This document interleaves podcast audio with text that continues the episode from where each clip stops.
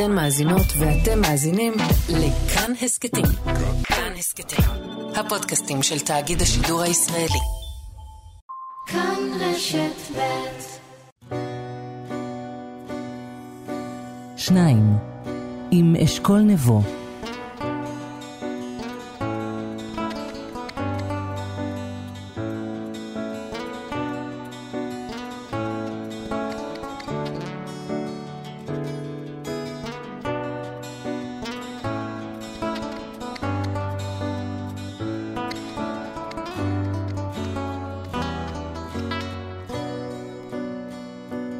שבת שלום מאזינים יקרים. עברית היא שפת האם שלי, אבל גם שפה שהתאהבתי בה מחדש, אחרי שנאלצתי להיפרד ממנה. ומעשה שהיה, כך היה. בגיל חמש ההורים שלי מחליטים שאנחנו עוברים שוב, והפעם לא סתם עוברים בתוך מדינת ישראל, מחיפה לירושלים או מירושלים לחולון, אלא עוברים לארצות הברית של אמריקה, ובאופן ספציפי לדטרויט. אף אחד לא שאל אותי אם אני רוצה לעבור לדטרויט, אם לא התעייפתי כבר ממעברים, אף אחד לא שואל ילד בן חמש, לדעתו. אבל לילד בן חמש, ילד טוב ירושלים, יש לומר, יש בכל זאת תחום אחד שבו הוא יכול להפגין את המחאה השקטה שלו, שפה. שלושה חודשים תמימים נמשכה שביתת השפה שלי, כמו איתמר בן אבי, אבל להפך. לא הסכמתי לדבר אנגלית בכלל, שרדתי באמצעות פנטומימה בלבד. ואז, בוקר אחד, ילד אחד ואני רבים בקינדרגרדן על מקלון פסטל בצבע בורדו, הוא מושך ואני מושך, ולפתע אני צועק לו לתדהמת כולם, Give me that. ההורים שלי שמחו מאוד לשמוע מהגננת שהשביתה נגמרה, אבל עד מהרה הסתבר להם שהמצב קצת יותר מורכב, כי מרגע שהתחלתי לדבר אנגלית, הפסקתי לגמרי לדבר עברית. לא הסכמתי לענות להורים שלי בעברית בבית, לא הסכמתי לדבר עברית עם סבא וסבתא שהיו מתקשרים אלינו פעם בשבוע. כשהתקשרתי לאימא שלי לקראת התוכנית, וביקשתי באמצעותה להיזכר בפרטים של האגדה המשפחתית הזאת, היא הזכירה לי שלא רק שהפסקתי לגמרי לדבר עברית, גם הייתי מתקן אותם בציבור, כשהם היו עושים שגיאות באנגלית או מדברים במבטא ישראלי שהביך אותי. בכל אופן, אחרי שנתיים בדטרויט, ההורים שלי מודיעים לי יום אחד, באנגלית כמובן, We are coming back to Israel. אנחנו חוזרים לישראל. אף אחד לא שואל ילד בן שש וחצי אם הוא רוצה לחזור לישראל בכלל, אבל לילד בן שש וחצי יש בכל זאת תחום אחד שבו הוא יכול להפגין את המחאה השקטה שלו. שפה. פתחתי שוב בשביתת שפה. דיברתי בבית אנגלית, ומחוץ לבית לא הוצאתי מילה בעברית מהפה. שלושה חודשים נמשכה שביתת השפה השנייה שלי עד שיום אחד, באמצע משחק כדורסל לוהט בהפסקה לתדהמת כולם, צעקתי לאחד מהילדים בכיתה, תמסור! וזהו, מאותו רגע חזרתי לשפת האם שלי. חזרתי לשחק בכדורסל, ולעשות בה שיעורי בית, ולאהוב בה, ולכתוב בה, ולכאורה, שכחתי מכל התקופה הזאת, והשביתות האלה, אבל לא באמת. עברית היא שפת האם שלי, האהבה הראשונה שלי, אבל היא גם שפה שזכיתי בה מחדש. וזה לא אותו דבר. שפה אהובה או אישה אהובה שנפרדת ממנה, שלא ברצונך וזכית בה שוב, כנגד כל הסיכויים, לעולם. אבל לעולם לא תיקח אותה כמובנת מאליה. התוכנית שלנו היום עוסקת, אולי כבר ניחשתם, בשפה העברית. נשוחח עם רונית גדיש מהאקדמיה ללשון עברית על מילים ישנות, מילים חדשות, והאופן שבו שפה היא כוח. אחר כך נשוחח עם ג'ימבו ג'יי, שמלהטט בשפה העברית בשירים שלו, ובהם עשיתי חתולים ומטקות. נצא לדרך.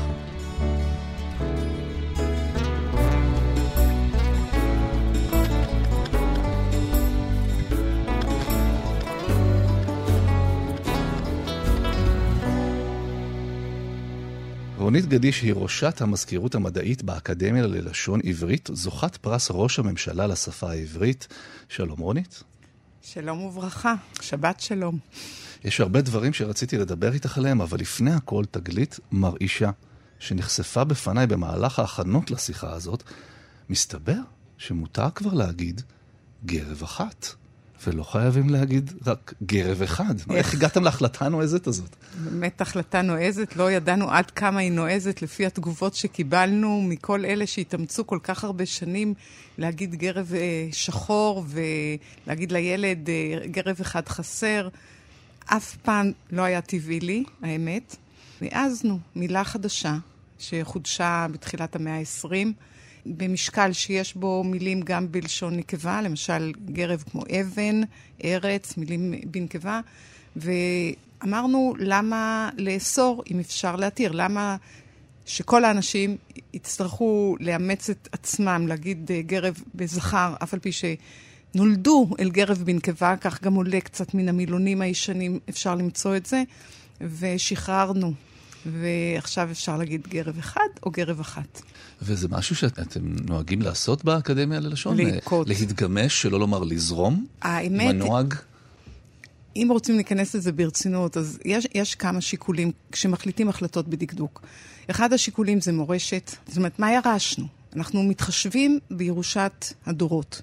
הדבר השני זה המערכת, להתאים את המילים, לא ללכת אחר כל יוצא דופן שיש במקרא, וליישר את הקו. למשל, אה, במקרא יש כאן ציפור, המילה כן בנסמך כאן, או חלב עיזים נניח. אז האקדמיה החליטה ליישר את המערכת, חלב עיזים, כן ציפור, אפשר להגיד. כמובן, אפשר ללכת על דרך המקרא. והשיקול השלישי זו המציאות הלשונית. ואם אפשר להתיר, אמרו, כן, זה גישה בהלכה, כוח ההיתר עדיף. אם אפשר להתיר, מה שממילא כולם אומרים, וזה לא סותר לא את המורשת ולא את המערכת, תפדלו.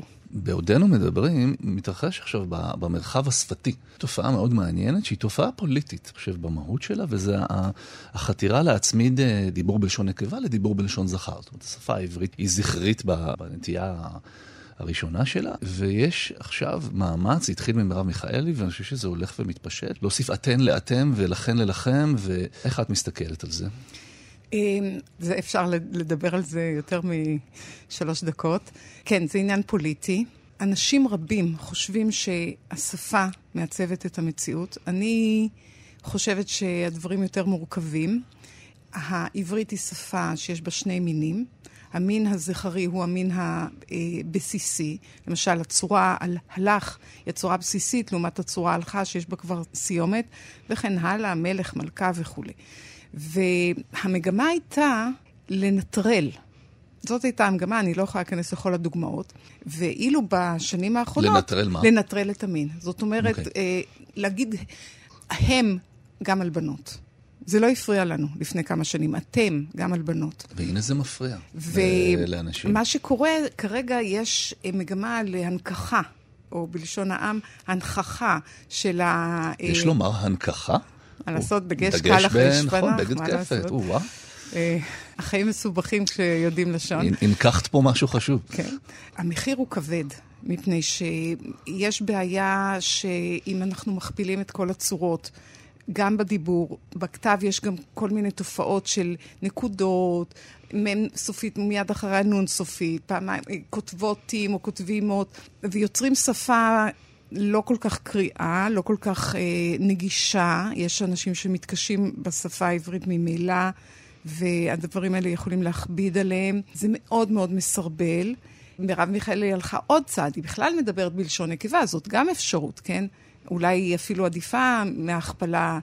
אנחנו בעצם מציעים אה, להכפיל במידה, כן? על דרך גבירותיי ורבותיי שירשנו, לא צריך להגזים.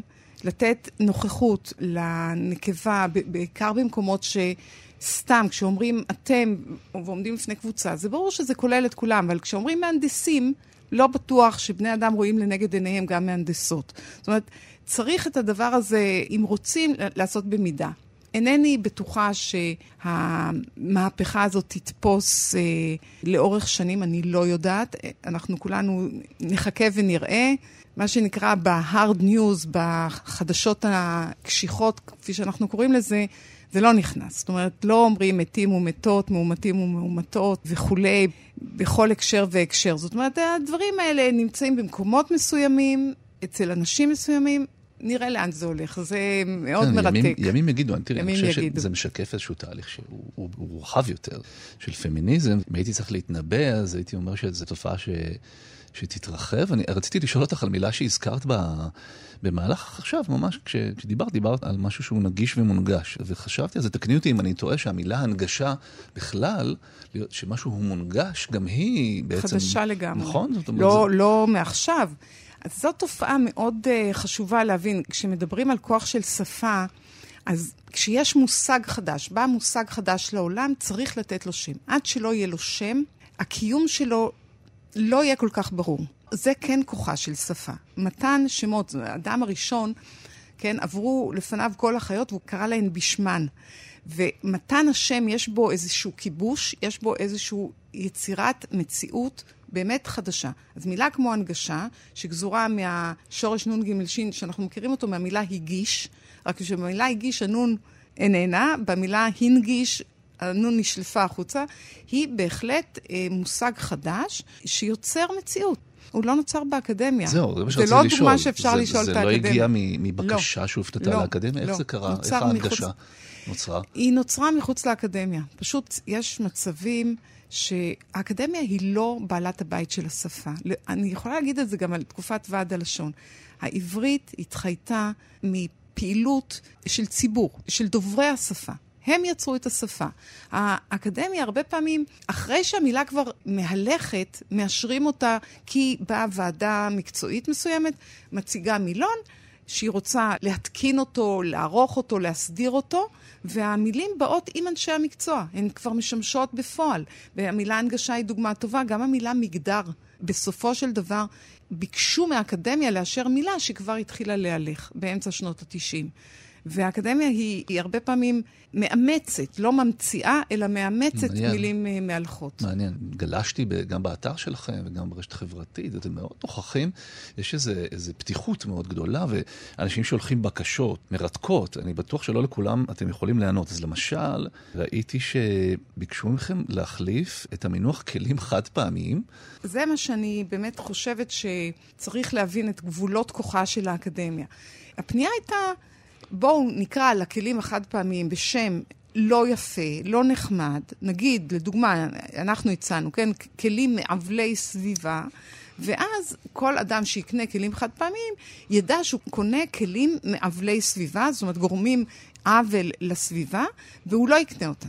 זאת אומרת, הפנייה לאקדמיה, בואו תקדמו סדר יום, אג'נדה. זה מזכיר קצת את ההוראה על, על קופסאות הסיגריות, אז העישון מזיק לבריאות. זאת אומרת, שנהיה כן. מודעים בזמן שאנחנו כן. משתמשים, אז, אז איך זה יתגלגל משם? אז האקדמיה כאקדמיה, כגוף ציבורי שמוקם על פי חוק, שהתפקיד שלו לקדם את המקום של העברית בתרבות הישראלית, בחברה הישראלית, ולשמור על העברית לפי אה, מורשתה וכולי. התפקיד שלו הוא לא לקדם אה, סדרי יום חברתיים נכונים ככל שיהיו, שאני יכולה להסכים על, עליהם ואחרים למשל יכולים לא להסכים להם. זאת אומרת, אנחנו לא נקבע שאסור להגיד בעל לבן זוג. אנחנו יכולים להציע מה העברית מציעה לאורך השנים. אנחנו לא יכולים לבטל את המילה גרוש וגרושה. זה לא מילים שאנחנו יכולים לבטל. אנחנו יכולים להציע חלופות. למשל, דוגמה באמת יוצאת דופן, שאנחנו הצענו חלופה למילה מהמקורות, היו פניות חוזרות ונשנות של הורים במשפחות משולבות חורגים, אימא חורגת, כן? Mm. הרי בשביל הישראלים אימא חורגת זה אימא של שלגיה, כן, לא עלינו, כן, או של. סינדרלה. מילה מאוד לא נעימה. וכאן הלכנו לקראת הציבור ויצרנו מילה, אני לא יודעת אם היא משמשת, אבל מאז הפסיקו להגיע אלינו פניות קורעות לב, אגב, ומה שהגיעו. המילה? שלוב. שלוב. זאת אומרת, הורה שלוב, אם שלובה, אח שלוב, בן שלוב. לא יודעת מי משתמש בזה, אבל יש פתרון. אם מישהו לא רוצה להגיד חורג, יש לו פתרון. אז אי אפשר לתקנן את השפה, להנדס אותה כך שהיא תהיה לא פוגעת בשום דבר ומקדמת אג'נדות או סדרי יום חיוביים. זה לא עובד ככה. שפה היא קודם כל מתפתחת התפתחות טבעית, ולא התפתחות מהונדסת. ההנדסה שאנחנו עושים זה בעיקר להציע חלופות עבריות למילים לועזיות, כן? כדי שהעברית... תישאר אה, ככה בעלת הבית על, על עצמה, זה ולא... זה חשוב בעינייך. לפני השיחה שלנו, לא ידעתי בכלל שיש מילה עברית למילה פוטנציאל. יוכלה. יוכלה. למה זה חשוב בעינייך, העברות הזה? אה, ועד כמה הוא חשוב? קודם כל, אני אומרת שאם אנחנו נציע 100 מילים ועשר מהן ייקלטו, עשינו את שלנו. אז צריך להציע כדי שיהיו. עכשיו, אתה אף פעם לא יודע מתי מילה יהיה לה המזל שלה. אז אם יש לנו הצעה מוצלחת, תראה, אנחנו לא נציע הצעה לא לאנרגיה, לא לטלפון, לא לטלוויזיה, לא לכימיה ולא למוזיקה, לא נציע ככל הנראה. מילים בינלאומיות, ותיקות וכולי. אבל יש מילים שלפעמים זה לא בעיה להחליף אותן במילה עברית. אין סיבה שלא תהיה מילה עברית. מילה כמו ספן במקום דק, כן? כמו סיפון שהוא כן, מצופה ספן. בעץ. קלטת במקום קסטה. קלטת שנקלטה, של- כן? כן. תצרף לפאזל. יש מילים יפות.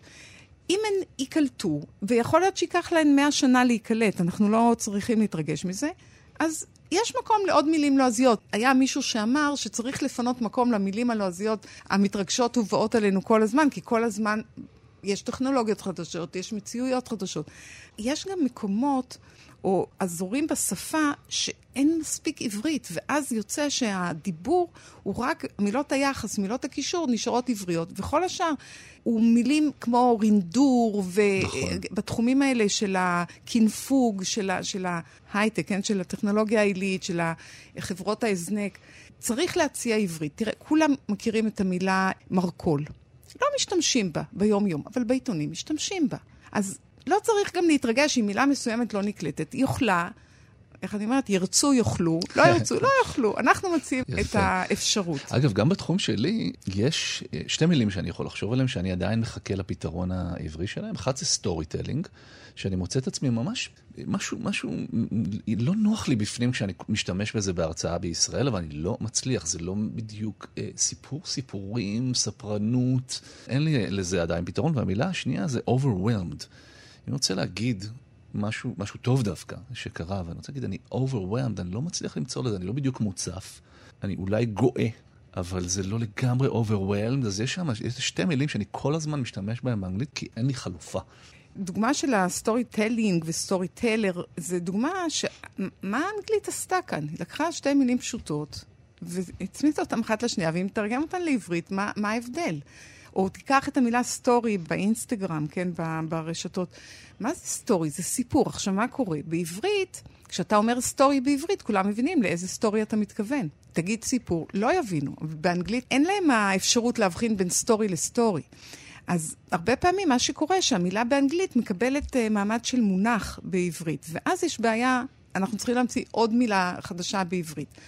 אגב, הציעו לנו לסטורי טלר, הציעו לנו סיפוריי. הרי, אגב, המונח הזה נכנס חזק לתחום השיווק והפרסום, לא לתחום הספרות, כן? כן. תחום המספרי סיפורים אומרים בעברית. עכשיו, מילות הרגשות וכולי, תמיד אפשר למצוא תחליפים, וגם זה מאוד מעניין שמילים מהאולימפוס יורדות לעברית היומיומית. מילה כמו התעמרות, שפעם איש לא אמר אותה, מילה כמו ניחוח, מילה כמו נימוח, זה מילים שיש לנו בעברית אוצר מילים לא רע, שאפשר לנצל אותו, ו... כן, מילה כמו הזוי, שבאיזה מילון שראיתי משנות ה-90 של המאה הקודמת, זה היה נקרא ספרותי. תויגה כמילה ספרותית. היום זה דיבורי מדי. דיבורי כבר. מדי. אפשר להגיד הזוי, זה לא הזוי יותר. כן, כן, קסום, קסום, מדהים וכל המילים האלה. אז זה מילים גם שיש להן נטייה להישחק עם השנים. אגב, שחיקה, שאלה שרציתי לשאול אותך, זה משהו שאני מרגיש, אבל אני מחפש פה איזו סמכות שאולי תאשר ואולי תסתור את מה שאני מרגיש. האם העברית מתיישנת או משתנה בקצב מהיר יותר משפות אחרות? אני קשה לי להאמין. יש שינוי בתרבות של כולנו, כן? אנחנו עברנו לטקסטים הרבה יותר קצרים, אנחנו משתמשים המון באימוג'ים, סמלונים בעברית של האקדמיה, ואנחנו מביעים דברים שהבענו בעבר רק בדיבור, אנחנו מביעים בכתב כמו חזרה לאותיות, כל מיני דברים כאלה. יש, שפה היא כל הזמן משתנה. מה שמחזיק אותה, מחבר את, כן, החוט של העפיפון, Mm-hmm. שלא תעוף, כן, זה הכתב. השפה הכתובה היא, היא בדרך כלל משקולת שמעכבת את ההשתנות, והשאלה אם השפה הכתובה עדיין איתנו, או שאנחנו בעצם לקחנו את השפה המדוברת והכנסנו אותה לכתב, ואז יכול להיות שזה עף מהר מאוד. אני חושבת שלא צריך כל כך לדאוג, אבל צריך לטפח. לטפח את שפת התרבות, לתת לשפה המדוברת לחיות את החיים שלה, ואת שפת התרבות, את הקוטב התרבותי של השפה, את הישות התרבותית שהשפה נותנת לנו, את הקשר שלה עם העבר וכולי, את זה צריך לטפח. זו הבחנה מרתקת, שהדיבור הוא הקטר של השינוי, והכתיבה היא זאת שמשאירה את זה על הקרקע. לא, לא חשבתי על זה ככה, וזה באמת, אה, זה מרתק. אנחנו עוברים לשאלון המהיר. שאלה קצרה, תשובה קצרה. איזו שפה מלבד עברית יפה בעינייך מסקרנת אותך? איזה שפות את דוברת חוץ מעברית? אני דוברת רק עברית. למדתי כל מיני שפות, אפילו קיבלתי בהן ציונים גבוהים, ואני לא זוכרת כלום. אולי יידיש. יידיש. אמרו פעם אצלנו שמי שמעל גיל 60, הוא יודע יידיש. אני עברתי את גיל 60 ואני עדיין לא יודעת יידיש, אבל אולי בסוף אני אדע. דיברו אצלך בבית לא, יידיש? לא. ההורים שלי הם אה, היו קטנים מדי מכדי לדבר יידיש, אף על פי שידעו. אגב, הורים, מה העצה הכי טובה שקיבלת אה, לחיים מאמא שלך? טוב, אימא שלי אמרה לי לא לצמצם את העיניים שלי כדי שלא יהיו לי קמטים מתחת לעיניים, ולכן יש לי משקפי שמש מגיל צעיר. ואבא שלי, לעומת זה, אמר לי שדבר הכי חשוב, ראשית חוכמה, סדר. להיות מסודר זה חצי, חצי עבודה, גם במתמטיקה ו- וגם בחיים בכלל.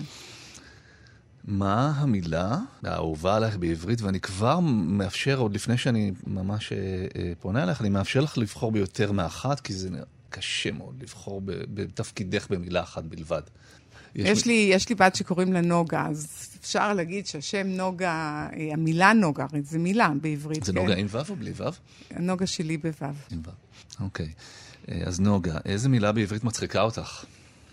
אז אני אלך לנוגה שלי, שהייתה מתגלגלת מצחוק, זו לא הייתה מילה בעברית, כל פעם שאמרו את המילה שהיה לנו בספר, אלפקה. זה נורא הצחיק אותה. Okay. אוקיי. מאוד הצחיק אותה. אוקיי. okay. אני נתקלתי במילה במהלך הקריאה לקראת השיחה, זו מילה שהצחיקה אותי מאוד, ואולי תוכלי להסביר למאזינים מה זה גומץ. יש מילה כזאת בתנ"ך, והיא כנראה דומה למילה גומה.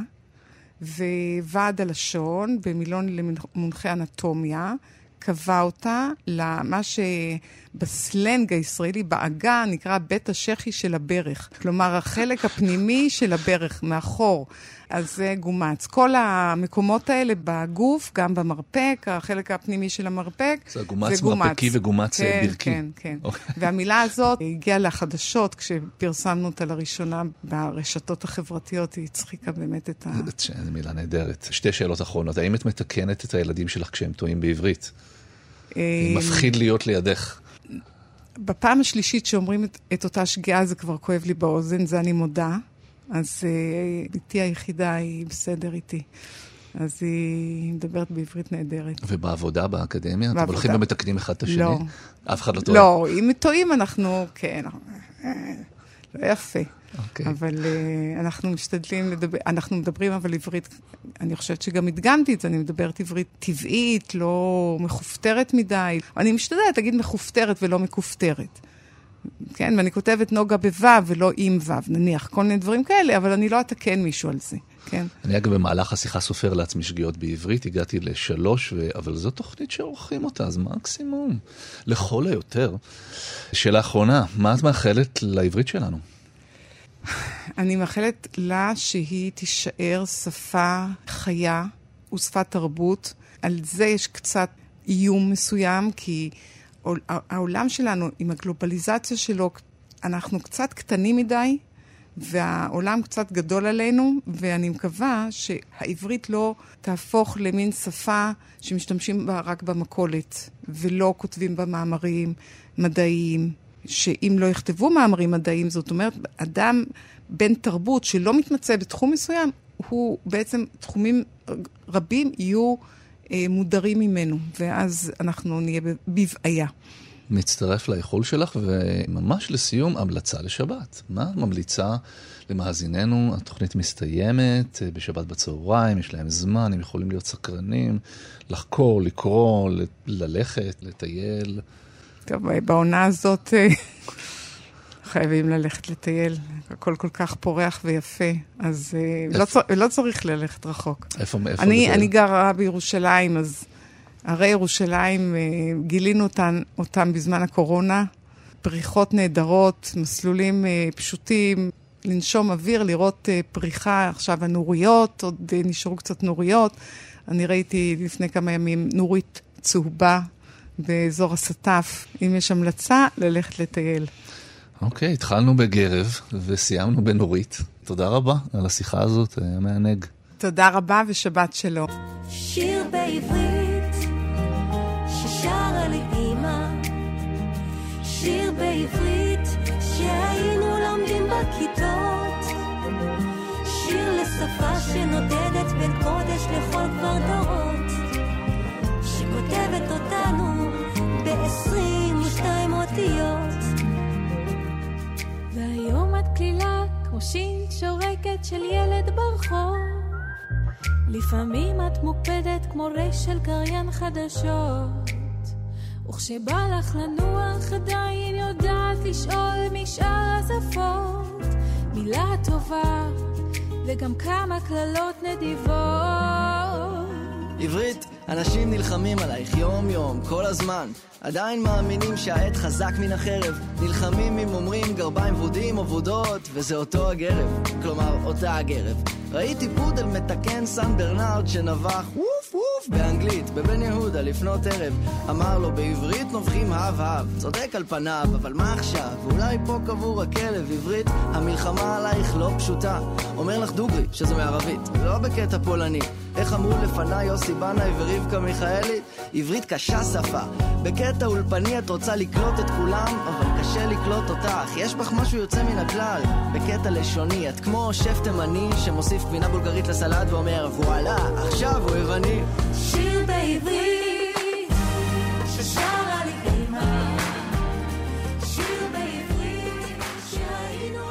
בכיתות שבת שלום לג'ימבו ג'יי. שבת מנוחה אשכול נבו.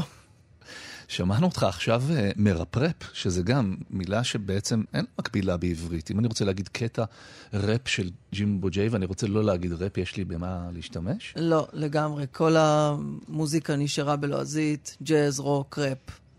אז ריפרפת ריפרפתי. על, על העברית, ואמרת שעברית, אנשים נלחמים עלייך יום-יום, כל הזמן, עדיין מאמינים שהעט חזק מן החרב, נלחמים אם אומרים גרביים ורודים, ורודות. וזה אותו הגרב, כלומר אותה הגרב, אתה, אתה באמת מרגיש שיש מלחמה על השפה, שגם אתה נלחם בכלים שלך? כשכתבתי את זה, כתבתי את זה ביחס למלחמה שקפצה לי על הדיון גרביים ורודים וורודות, כשהאקדמיה ללשון באמת פרסמה שהם עכשיו מאשרים גם זכר וגם נקבה לגרב. ואז המון אנשים, היו בכל זאת, יצריים על זה. בכל זאת אינטרנט, או מרשתת אם תרצה. אנשים אוהבים לכתוב uh, תגובות, קשה לדעת מה ברצינות, מה בצחוק, אבל זה היה דיון מאוד ער. ואמרתי לאנשים אכפת, למרות ש... לא נעים להגיד, אבל חברים, בסדר, אז עכשיו זה יהיה זכר ונקבה, אז מה? אבל כן, זה משום מה נורא מקפיץ אותנו, האקדמיה מאוד מקפיצה אנשים, הדבר הזה שמישהו כאילו אומר לך מה לעשות, נראה לי, גורם לאנשים לכעוס, ולא, אני אדבר איך שבא לי, ולא יגידו לי. זה אולי איזה ניתוח שלי ללמה, אין לי מושג, אבל עובדה שיש איזה מאבק על השפה. לך אכפת מעברית? מאיפה זה התחיל? זאת אומרת, מאיפה התחילה המשיכה שלך לשפה? זה מעניין, אני לא הייתי אומר שאכפת לי, כמו שזה מרתק אותי. זאת אומרת, אני אוהב. בן אדם שכמעט כלום לא קדוש לו, בן אדם די uh, חילוני, ויש בי משהו מאוד קליל, ומנסה לחיות את החיים שלי באיזו הרמוניה נחמדה עם העולם. ועברית מהבית, אימא שלי מאוד הייתה מתקנת אותי, וקוראים אצלנו בבית גם שירה, ובכלל שומעים הרבה מוזיקה, אז גם ספרות. וזהו, התחלתי לצלול לזה, והתחלתי ללמוד את זה. אימא שלי זה באמת התחביב שלה. יש לנו בבית כל מיני ספרים בין הספל לבזיך. יש איזה ספר כזה, זה? ספר שככה... מה זה בזיך? בזיך זה איזשהו כנראה שם עתיק לספל. אז ככה, הספר הזה עוסק בהתגלגלות של מילים, וזה נהיה גם מין תחביב שלי. אז אולי, אני לא אגיד שלא אכפת לי משפה, אבל אני לא עוסק בזה מתוך איזו אידיאולוגיה נחרצת של שימור השפה. אלא זה באמת משהו שאני אוהב להתעסק בו, כמו שאם הי- היית אוהב חוג מקרמה, לא היית אומר שאכפת לך ממקרמה, אבל אתה מאוד אוהב את זה, אז אתה כבר די מבין בזה ונהנה מזה. מרגישים את זה בכתיבה שלך. אומרת, השיר הכי אה, ידוע שלך, עשיתי, בעצם, תקן אותי אם אני טועה, הוא, הוא מגיע מאיזו התבוננות על תופעה בשפה?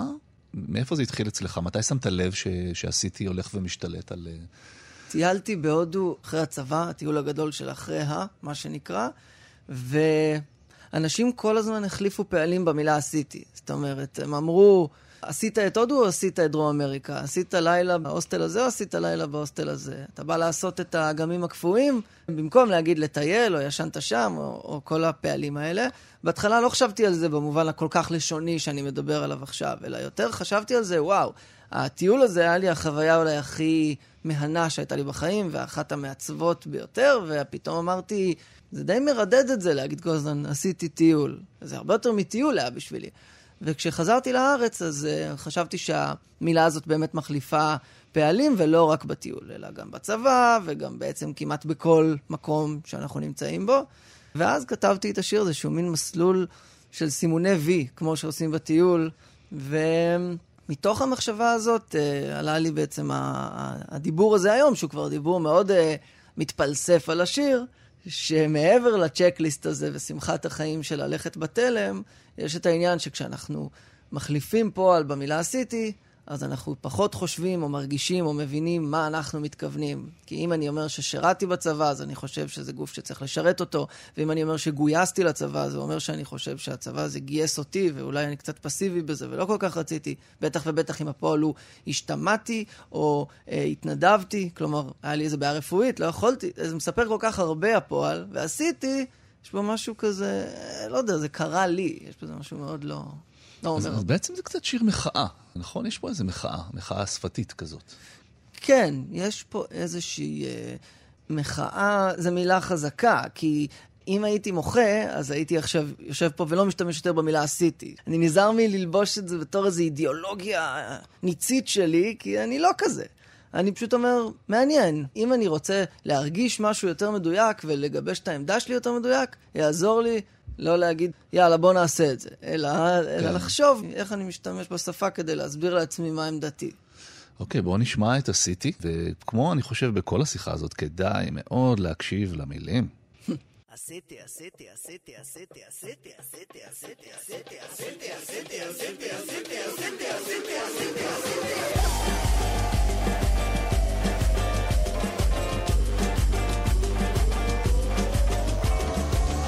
מה זה שירתי? עשיתי צבא! טירונות בשבטה, משם ג'נין, אחר כך חטמ"ר עציון, נעלים, שמירות עם הנחל, אימון בגולן, אחר כך עשיתי גם קורס מפקדים. עשיתי פטרול עם אגף, עשיתי שמירות שמונה שמונה בקו, עשיתי קפה שחבל על הזמן, שחור, חזק, להתעורר במערב. עשיתי מעצר בחברון, עשיתי אחת מלחמת לבנון, כשעשיתי קצינה בבאר שבע בבית החייל, אז אמרו, תעשה כבר קצת קבע, חבל, איך המ"פ עשה לי? עשית פה חי. אבל וואלה, אני לא רציתי. אמרתי, לא קבע ולא נעליים, אני את שלי?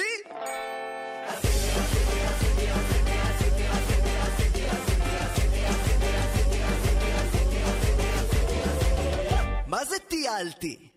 עשיתי את הודו! בצפון עשיתי כמעט את הכל, דרמסלה, מנאלי ואין על כסול, אבל אז קצת נמאס לי, עשיתי ברבה לי, עשיתי את הטרק במדבר, שלושה ימים, שני לילות, אופנועים, אחר כך עשיתי קשמיר ונגמר. נשאר רק לעשות הדרום! עשיתי עצירה ברג'סטן, קניות הכי זולות, עשיתי משם לגואה, בבומביי עוד חודש, לפעלו למרום, בקצתם ומיציתי, אני את שלי? עשיתי, של אה, ג'ימבו ג'יי, שנמצא איתנו באולפן. ואני אני רוצה לספר לך שיש שירים שאתה זוכר מתי שמעת אותם בפעם הראשונה. והתופעה הזאת של רידוד החוויה של הטיול לעשיתי הייתה קיימת אה, גם בתקופה שאני טיילתי בדרום אמריקה, כמה וכמה שנים לפניך, ואני ממש זוכר את המחשבה חולפת לי בראש שזה בלתי נסבל, וחלפו שנים ואני במכונית ואני שומע את השיר ואני אומר, "אמ, סוף סוף מישהו כתב על זה, זה ממש היה ממש מין תחושה של התגלות. ו... אה, גדול. זה באמת איזושהי רגישות למילים, כי סך הכל, אני חושב שאתה במיעוט ששם לב למילה הזאת. אז uh, כאילו זה מעלה לי חיוך שחשבת תראה, על זה. שמת אותה על המפה, אחר כך עשו מזה קטע שלם בארץ נהדרת, זאת אומרת, זה נהיה... כן, לא, זה זה בסדר הרי להגיד אותה, זה נורא לשון הדיבור. אומרים, כן, עשיתי טיול. אתה מתחיל לכתוב ממשהו בשפה תמיד? זאת אומרת, יש איזה משהו שתופס אותך בדיבור של אנשים, או שזה בכלל מגיע מבפנים, מרגש? איך זה, איך זה עובד אצל רפרים? או אצל ספוקן וורדים. אצלי זה באמת כמעט תמיד מתחיל מהמילים. יש הרבה פעמים את השאלה, מתחילים ממילים או מלחן, אז אצלי נגיד 90 אחוז התחיל ממילים, ואז אני תופס גיטרה או פסנתר ו- וחושב מה יכול לעזור לזה, איך הלחן יכול לשרת את זה, אבל מבחינת העיסוק ממש בשפה, אז יש לי הרבה שירים שהם פחות ככה מתעסקים ממש בעברית, אלא יותר שירים של, כן, חשבתי על פאנץ' מצחיק, או על uh, שירה אהבה לאשתי, דברים יותר uh, פשוטים, בנאליים. אמרת שיר אהבה, אז אני חושב על, אה, על חתולים. שיש בו, הוא בעברית, לכל אורכו, אבל יש בו בעצם שתי שפות. אז תספר קצת, לפני שנקשיב לו, ספר על, ה, על גם הכתיבה של השיר וגם על שתי השפות. אז חתולים הוא באמת שיר על המאבק בין עברית או כל שפה מדוברת לבין השפה הדיגיטלית שהיום אנחנו משתמשים בה אולי יותר מבעברית, או לפחות כמו, אה, של מה שרונית קראה לו סמלונים, אימוג'ים. זה שיר שמנ- שמנסה לתת את הפער בין השפות האלה, להסתכל עליו, על איך אני רוצה להגיד לאהובתי שלוש שורות פיוטיות מלאות ברגש, ובסוף מתמצת אותן לשלוש אותיות של חטא חטא חטא, או לסרטון של חתול, ולפעמים הסרטון של חתול אומר יותר. זאת אומרת, זה לא איזה קינה על העברית. איי איי איי, פעם היו כותבים מכתב אה, מהמלחמה של חמישה דפים. לא, זה אומר, אוקיי, מעניין, השפה משתנה ומתמזגת עם השפה הזאת שהיא אולי תגמור כמו מגדל בבל. זאת אומרת, כל העולם מבין מה זה סמיילי. עכשיו, לפעמים זה ברדק. ראיתי פעם כתבה על איך שהעולם המשפטי לא עומד בקצב של האימוג'ים. יש תקדימים משונים, נגיד, מישהו שהיה, אה, לא עלינו, אה, אלים כלפי אשתו, שלח לה יום אחד אחרי שהיה לו צו הרחקה, אימוג'י של אקדח מים. אבל טלפון LG שלה אין בו אקדח מים, כי בשנים ההם אקדח מים היה רק בסמסונג ואפל, אז הגיע לה אקדח אמיתי. והוא טען, הלו, שלחתי אקדח מים. והיא אומרת, אני קיבלתי אקדח אמיתי. אה, והוחלט להכניס אותו לכלא, אני חושב שבצדק, אבל יש הרבה מה לדבר על הפסיקה הזאת. זאת אומרת, מבחינתי אקדח מים שווה אקדח אמיתי, אבל טלפון תרגם את זה, זה הלך לאיבוד בתרגום. אה, הסיפור, הסיפור אדיר. כן, לא ושמעתי אותו באיזה תוכנית בוקר ככה על הדרך. סיפור אדיר. אתה, אגב, אה, כשחיזרת אחרי אה, אשתך, השתמשת בסרטוני חתולים או ש... אנחנו ביחד עשור, פלאפונים היו בתחילת דרכם, אז לא, אני עוד הייתי כזה רומנטיקן, ו- ונאלצתי לדבר את דרכי אל ליבה, ולא להיעזר בחתול מנגן על פסנתר. אוקיי, אז אנחנו נשמע עכשיו את חתולים ואת שתי השפות שנאבקות בתוכו, וגם יש פה סיפור אהבה, זאת אומרת, זה, זה לב שבור, זה אהבה שהיא לא, לא מתממשת. זה לא מצליח בסופו של דבר. נכון, כי בכל זאת בתחושה שלי, אולי אם כבר מדברים על הרגשות, אז, אז משהו בשפות האלה מתנגש, וזה לא מצליח. זאת אומרת, כמו הבחור והבחורה גם. כן, על חש... אחת על חשבון השנייה קצת. ואני אגיד עוד משהו על רגש, אם כבר מדברים על השיר, שהפזמון הזה, זה סתם מחשבה על מוזיקה, כשרביד פלוטניק שר אותו, פתאום היה בו משהו מאוד נוגע ללב.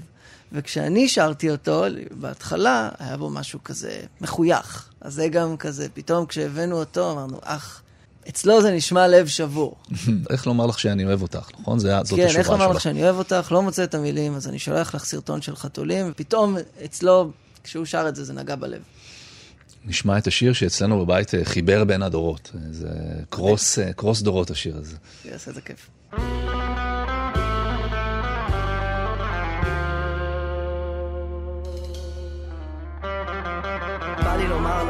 לך שחיפשתי אותך, כי לאהבה אין זמן ואין גיל. אבל לא בא לי שתילחצי, אז כותב, היי, קפצת לי כשהחלפת תמונת פרופיל. בא לי לומר לך שחסרת לי, אבל גם בא לי להרשים. אז מצטט את אביב, מפתח המרחק פתח לי שער של געגועים. אני קורא בין השורות של מחשבות ששיתפת שזוגיות הייתה לך נחל אכזב ובא לי לומר, אני השטף שאחרי הגשם עד עכשיו הסתפקת בשלל שרב אם את מאבדת אחיזה כמו שלכת, תני לי להביא לך את הסתיו אבל לא בא לי לבאס אז שואל, מה איתך? מה המצב? איך לומר לך שאני אוהב אותך? לא מוצא את המילים אז אני שולח לך סרטון של חתולים חתולים של ג'ימבו ג'יי, ג'ימבו ג'יי, עומר עברון נמצא איתנו באולפן. אנחנו עוברים באופן אה, מהיר וחתולי לשאלון המהיר שלנו. מעולה. איפה אתה מרגיש בבית חוץ מאשר בבית? ברחובות, שם גדלתי, וכבר אין לי שם ממש אה, איזשהו יסודות, אבל מישהו נשאר שם מיקיריך? ההורים שלי שם, אבל זה ככה עדיין אה, היציאה, לא יודע, בגילי הלא כזה מופלג, כבר היציאה מהבית, לא יודע, זה לא, אני לא קורא לזה הבית. שמע, יש משהו באזור השפלה, שב"כ סמך הגיעו מיבנה, נכון. אה, ג'ימבו ג'יי מגיע מרחובות, לא, משהו קורה שם, יש כן, איזה כן, איזה חריזה פנימית. משהו במים. אוקיי. אוקיי, אה, אגב, הזכרת את ההורים, מה העצה הכי טובה שאימא שלך נתנה לך? אה, להגיד את האמת. היה, היה לי נטייה כזאת, אתה יודע, צבא, לנסות לערבב, לא רוצה ללכת, גימלים, אה, נגיד, שם אני זוכר אותה הרבה אומרת לי, תגיד את האמת. קשה מאוד לשרוד עם האמת בצבא. כן. זה לא פשוט בכלל. זה לא תמיד עבד לה, אבל זו עצה טובה לחיים, אחר כך במסגרות אחרות מצאתי אותה תמיד טובה. בצבא זה עזר לי כמה פעמים אה, לערבב, מה שנקרא, בעדינות. זה מורגש מאוד בכתיבה שלך, זאת אומרת, אני מרגיש כמאזין שחשוב לך להגיד את האמת. מה המילה בעברית שאתה הכי אוהב? אני חושב שהצטרובל. יש לך שיר על אוצטרובל? יש- לא, זה לא, נכנס לך עדיין- כבר בשירים? עדיין לא השתמשתי בה, אבל יש בה משהו כזה, היא, היא כאילו לא בעברית, נשמע מאיזה שפה. אוקיי, אני חושב, היא מגיעה לשיר. מעניינת. אה, מילה ש- שמצחיקה אותך. פעם ראיתי ילד צוחק מהזדרכת. חשבתי שזה באמת מילה מצחיקה, היא די דומה להצטרובל, אבל אני, לא, אני כנראה אוהב לצחוק. חיות ביחד באותו שיר. כן. אה, מילה בעברית שמרגיזה אותך חוץ מהסיטי. זאת אומרת, עוד מילה שנגיד היא יכולה, מקוממת אותך באיזשהו אופן ואולי אה, תתלבש עליה. לשים, לשים זה בדיוק כמו עשיתי. זה מחליף פעלים כזה ולא מרובה. לשים שעון, לשים את הראש, לשים אה, רגל, לשים, כאילו במקום להכשיל, במקום- לשים ראש במקום במקום להניח, לישון. כן. וגם המילה, ככה משהו שפעם אמרו לי, בעצם, המילה בעצם, שבעצם כל משפט יכול בלעדיה. אם מורידים אותה, המשפט נשאר עם אותה משמעות. איזה יופי. האם אתה יכול לכתוב שיר לא בעברית? כן, אני יכול. תרגמנו את, אה, את המחזה העיר הזאת שכתבנו, עמית אולמן, אה, איציק פצצתי ואנוכי, חברי תיכון, והופענו איתו בעולם באנגלית, וזאת הייתה חוויה מרתקת, כי זה מחזה שיש בו המון עיסוק בעברית, ואז לראות איך העיסוק בזה מאוד דומה באנגלית. זה עבד באנגלית, כי אני זוכר, כצופה, זה היה מאוד מצחיק. וההומור נבע מה... לשתם את, ה... את הלשון. יש נגיד איזשהו קטע במחזה שמדבר על יחיד מול רבים. והעברנו את זה לאנגלית, וכשביצענו את זה באנגלית, אז שאלו אותנו בחו"ל, איך זה עובד בעברית? אמרנו, זה אותו דבר בשתי השפות. שצריך למצוא את הדוגמאות הנכונות, לה, להסביר שהיחיד והרבים בשפה הם לפעמים מוזרים. וזה מוזרות. נקרא This City? Uh, the city. That City. The city, כן. אוקיי. שיעורי מבטא שעשינו לנו שם. האם יש אה, מוזיקאי אה, אחר שמעורר בך השראה, שאתה מקשיב לו כדי להדליק את עצמך בכתיבה? אני אוהב את הכתיבה של תומר יוסף. אה, היא מאוד אחרת משלי אני מרגיש, אבל אה, מאוד אוהבת איך שהוא כותב. הרבה יצירות גם שיש לו חלק, בין אם זה הוא כסולן, או יצירות אחרות שאני חושב שהוא כותב פחות, בחצר האחורית עם ינקלה רוטבליט. איכשהו תמיד אני מוצא אותו במקומות עם טקסטים שמעניינים אותי. אתם מתחברים לי בראש, אני יכול להבין למה. הפכת לאבא לאחרונה, מתי תכתוב על זה? כמה זמן לוקח לך מהתרחשות החוויה ועד שאפשר אה, לעשות אה, עיבוד שלה לשיר? הרבה פעמים לדברים מהחיים הפרטיים שלי לוקח זמן להגיע לשירים. באלבום האחרון שלי, עובדי נמל, יש שיר לאשתי, הוא נקרא פינגווינים, אנחנו ביחד עשור, וככה לקח לי זמן אה, לחשוף איזשהו משהו פרטי שלי מהעולם הזוגי, ככה אני מרגיש גם יקרה על הבת שלי, ייקח לי רגע לכתוב את אה, ילדה של אבא. אני מאוד כותב על הפחדים יש לי שלי. תחושה שהטקסט יהיה שונה מ- כן, מילדה אבל- של אבא. אבל- לא יודע למה. אבל זה יהיה על אותו, על אותו נושא. כן. איכשהו הדברים האלה היומיומיים, לוקח להם זמן להגיע. להתעבד. כן. מה החלום המקצועי שעוד לא הגשמת?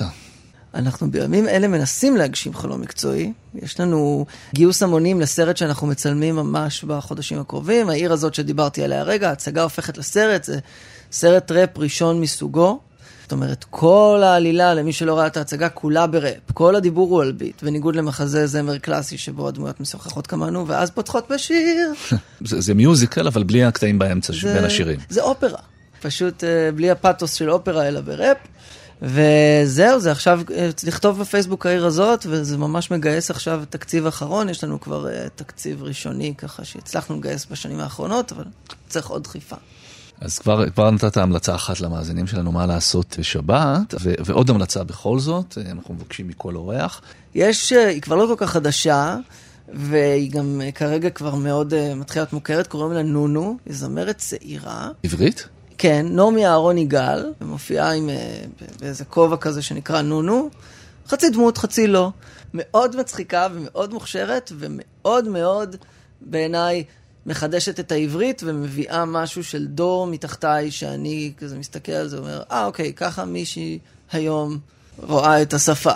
אותי זה מאוד מאוד מעניין. אז יש לנו פה בעצם כבר שלושה דורות, כי אני, אני מקשיב לשירים שלך ואני אומר, זה, זה, זה, זה חצי דור מתחתיי, ואתה מקשיב לשירים שלה ואומר, זה... ו- והשפה משתנה לנו. כן, כן, והיא באמת כאילו, היא השראה, מיקס כזה של דברים שאני כבר לא מדבר ככה. מחפשים בספוטיפיי נונו. נונו? נו, נו, כן, זה, זה, זה, זה כמו להמליץ על אה, מכבי חיפה, זה די גדול הדבר הזה היום. אוקיי. תודה רבה לך שבאת עם השירים, הבאת, אה, אני חושב, את ה, באמת את האופציה שהעברית מאפשרת לנו להיות יצירתיים איתה ולשחק איתה, לבדוק את הגבולות שלה ולראות מה המוזיקה הפנימית שלה. אז תודה על זה. ואני בטוח שעוד נשמע הרבה שירים שלך.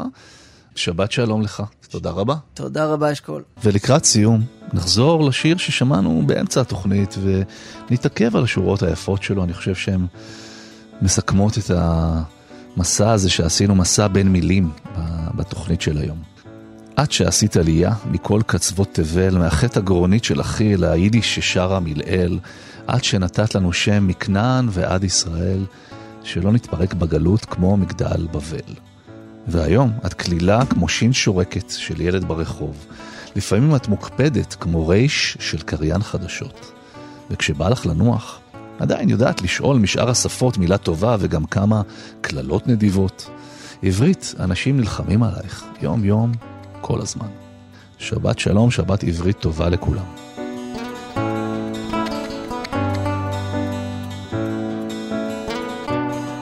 אנחנו מזמינים אתכם להאזין להסכת, שניים עם אשכול נבו, ההסכת, באתר שלנו, בספוטיפיי ובאפליקציות ההסכתים השונות. אנחנו מזמינים אתכם ואתכן להוריד את יישומון כאן ולהישאר מעודכנים 24 שעות ביממה. מוזמנים גם לפנות אלינו, לכתובת המייל של התוכנית אשכול שטרודל כאן.org.il.